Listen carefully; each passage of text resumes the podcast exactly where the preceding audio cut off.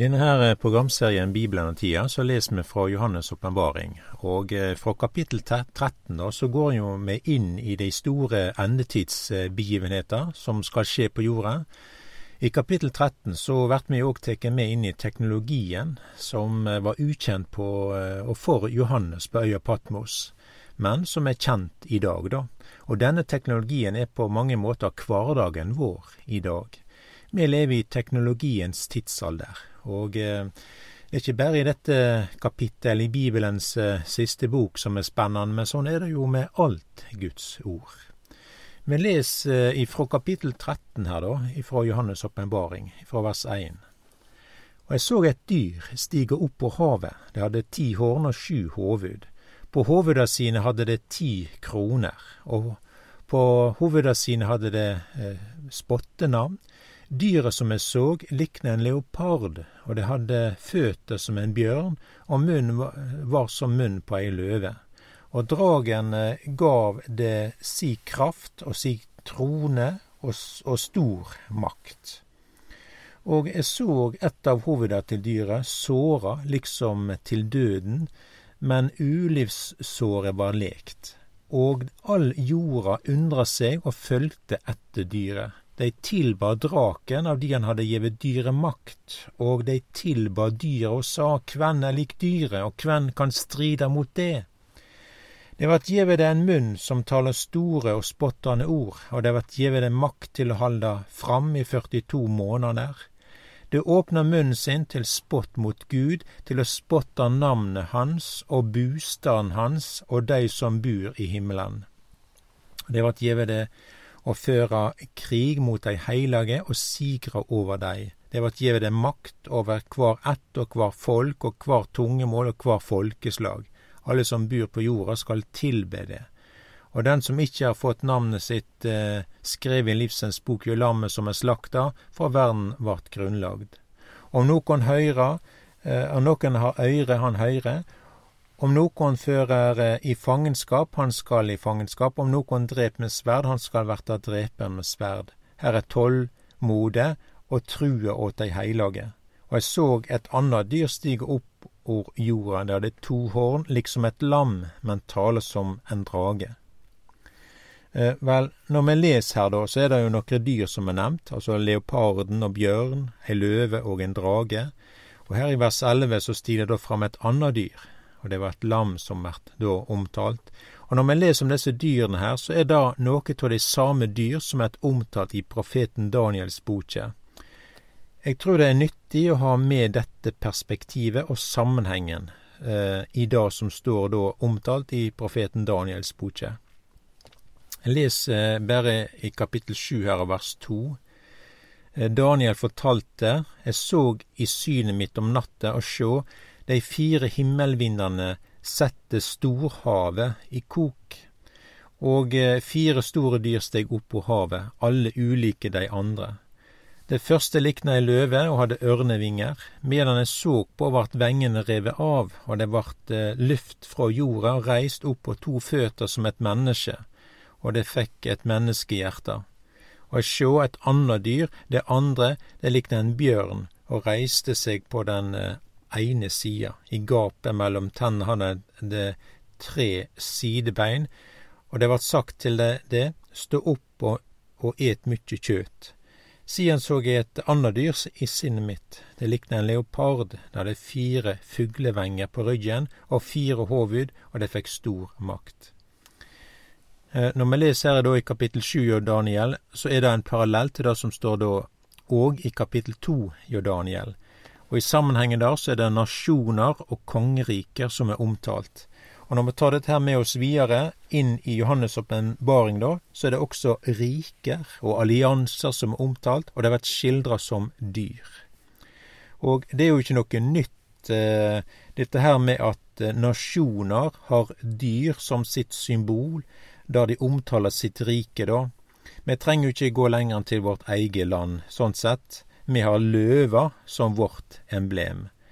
Men Norge er ikke det eneste riker og nasjon som har løva som sitt symbol. Det gjelder også England, Danmark og Finland.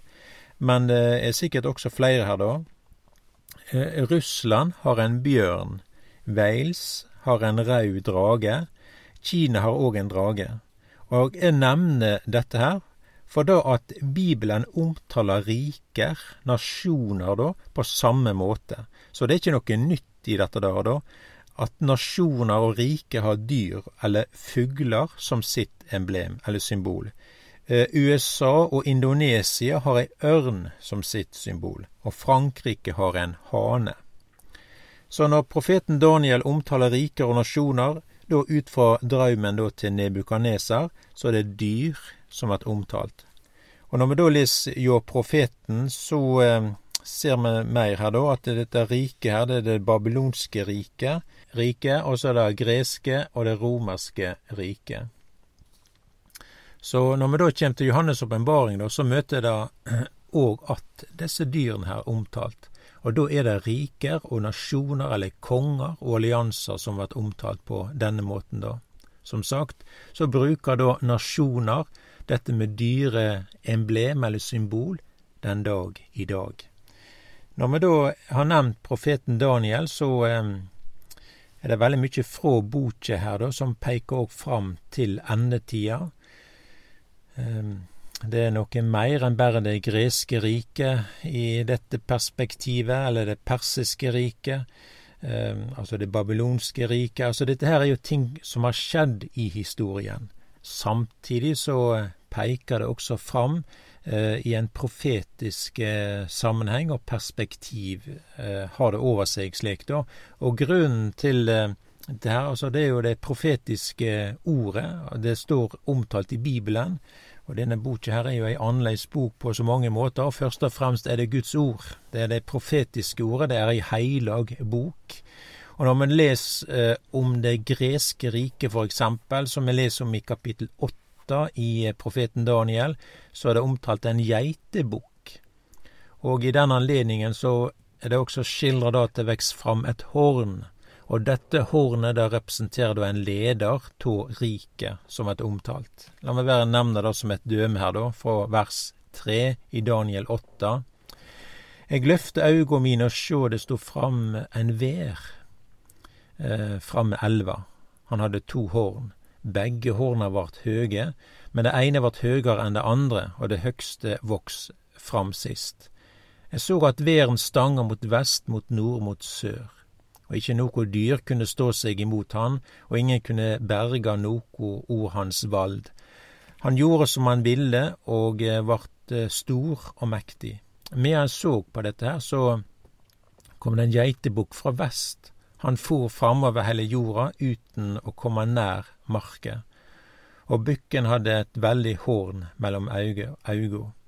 Han kom heilt bort til væren med de to horna, den jeg såg framme elva, og sprang mot han med den veldige styrken sin. Jeg så at han kom tett inn på væren og for løs på han i sinne. Han stanga til han og braut eh, begge horna på han. Væren hadde ikke kraft til å stå seg imot han, bukken slengde han til jorda, trakka på han, og ingen kunne berga væren fra makta hans. Geitebukken vart overmåte mektig men nett som han hadde nådd full styrke, vart det store hornet bråte av. I staden vokste fram fire store eh, horn å sjå til, dei vende mot dei fire himmelhjørna. For ett av desse skaut det da fram et lite horn som voks uhorvelig stort mot sør, mot aust og mot det fagre landet.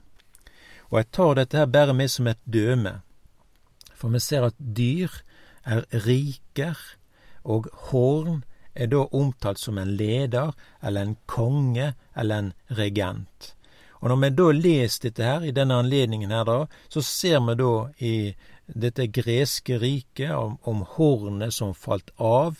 Det betyr at kongen ble borte. Så kom det da fire nye horn, eh, eller ledere, da.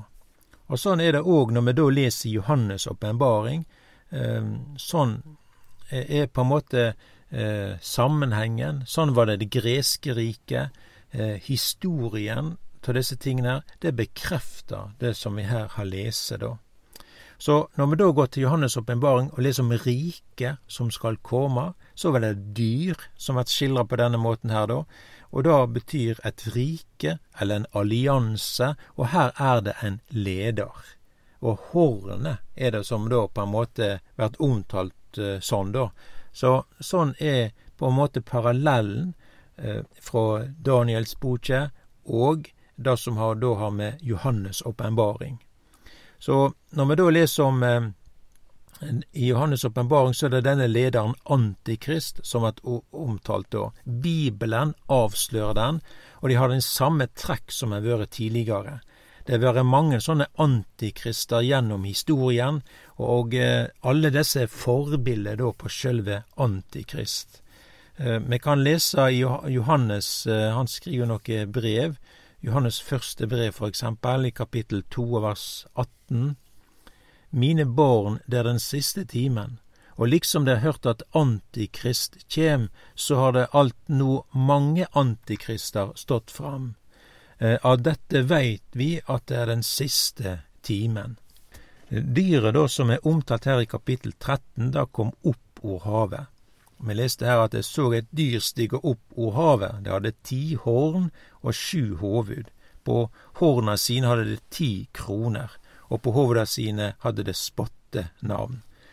Og eh, vi kan jo undres over hvorfor, eh, eller hva for et hav dette her er, da. Er det Middelhavet, eller er Folkehavet? Når det gjelder Folkehavet, så er det uttrykk for noe som er urolig, Folkehavet er noe som eh, vi òg bruker i vår daglige omtale, sånn sett, men uttrykket da kjem fra Bibelen. Og i Johannes' åpenbaring så betyr havet, eh, både havet altså sånn bokstavelig òg, så er det og samtidig òg uttrykk for noe som er symbolsk. Eh, havet er uttrykk for noe som er urolig. Det er lite uforutsigbart. Det endrer seg fort. Hav kan virke fint og innbydende, samtidig er det noe som kan snu seg veldig raskt. Det som kan eh, i det ene øyeblikket virke som idyllisk, kan i neste øyeblikk virke farlig og være farlig. Sånn er havet, og sånn er også folkehavet.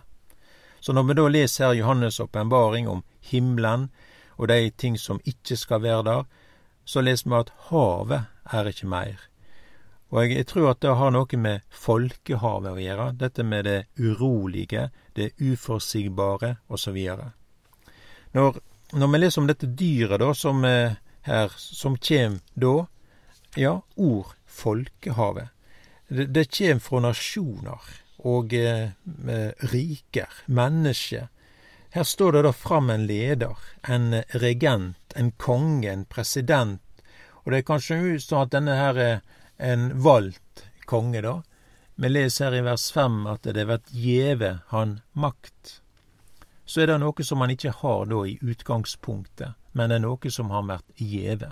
Det står òg her i vers sju, um, altså vers fem for eksempel. Det er noe flere plasser der det står akkurat dette. Det er vært gjeve det en munn som taler store og spottende ord. Det vært gjeve det makt å holde fram i 42 måneder. Det åpner munnen sin til spott mot Gud. Det spotter navnet og bostaden hans og de som bor i himmelen. Og det vart gjeve det å føre krig mot dei heilage og sigra over dei. Og det vart gjeve makt over hver ett og hver folk og hvert tungemål og, og hvert folkeslag. Vi legger merke til at eh, makt er det oppdraget da som skal gjøres, og eh, det ble gjevet til dyret. Og det er sikkert noen demokratiske valg og prosedyrer som er fulgt her da. Han er en valgt leder. Det er noen makt eller og disse tingene her. Det er noe som blir gitt han. Så ser vi at er en munn som da spotter de som bor i himmelen. Og vi kan undres over hvem dette her være da. Hvem er det som bor i himmelen? Eh, vi veit hvem som har borger sitt, borgerskapet sitt der, da. Det er bruden. Det er Jesu brud si bustadadresse. Hun bor der. Hun er ikke på jorda, men i himmelen. Men Antikrist, han vil gjerne spotte, og det er det Antikrist gjør. Han spotter Gud og bostaden hans, og òg de som bor i himmelen. At de bor i himmelen, det har sin grunn i det at Jesus har henta menigheten heim til himmelen. Og Derfor er Guds menighet noen som er tatt bort fra jorda før de antikristelige kreftene bryter fram. Og det er jo et tegn i tida nå, dette med folkehavet. Det er veldig urolig og uforutsigbart. Det er ikke noe idyllisk, og det er et tegn på Et signal på at Jesus kommer snart igjen.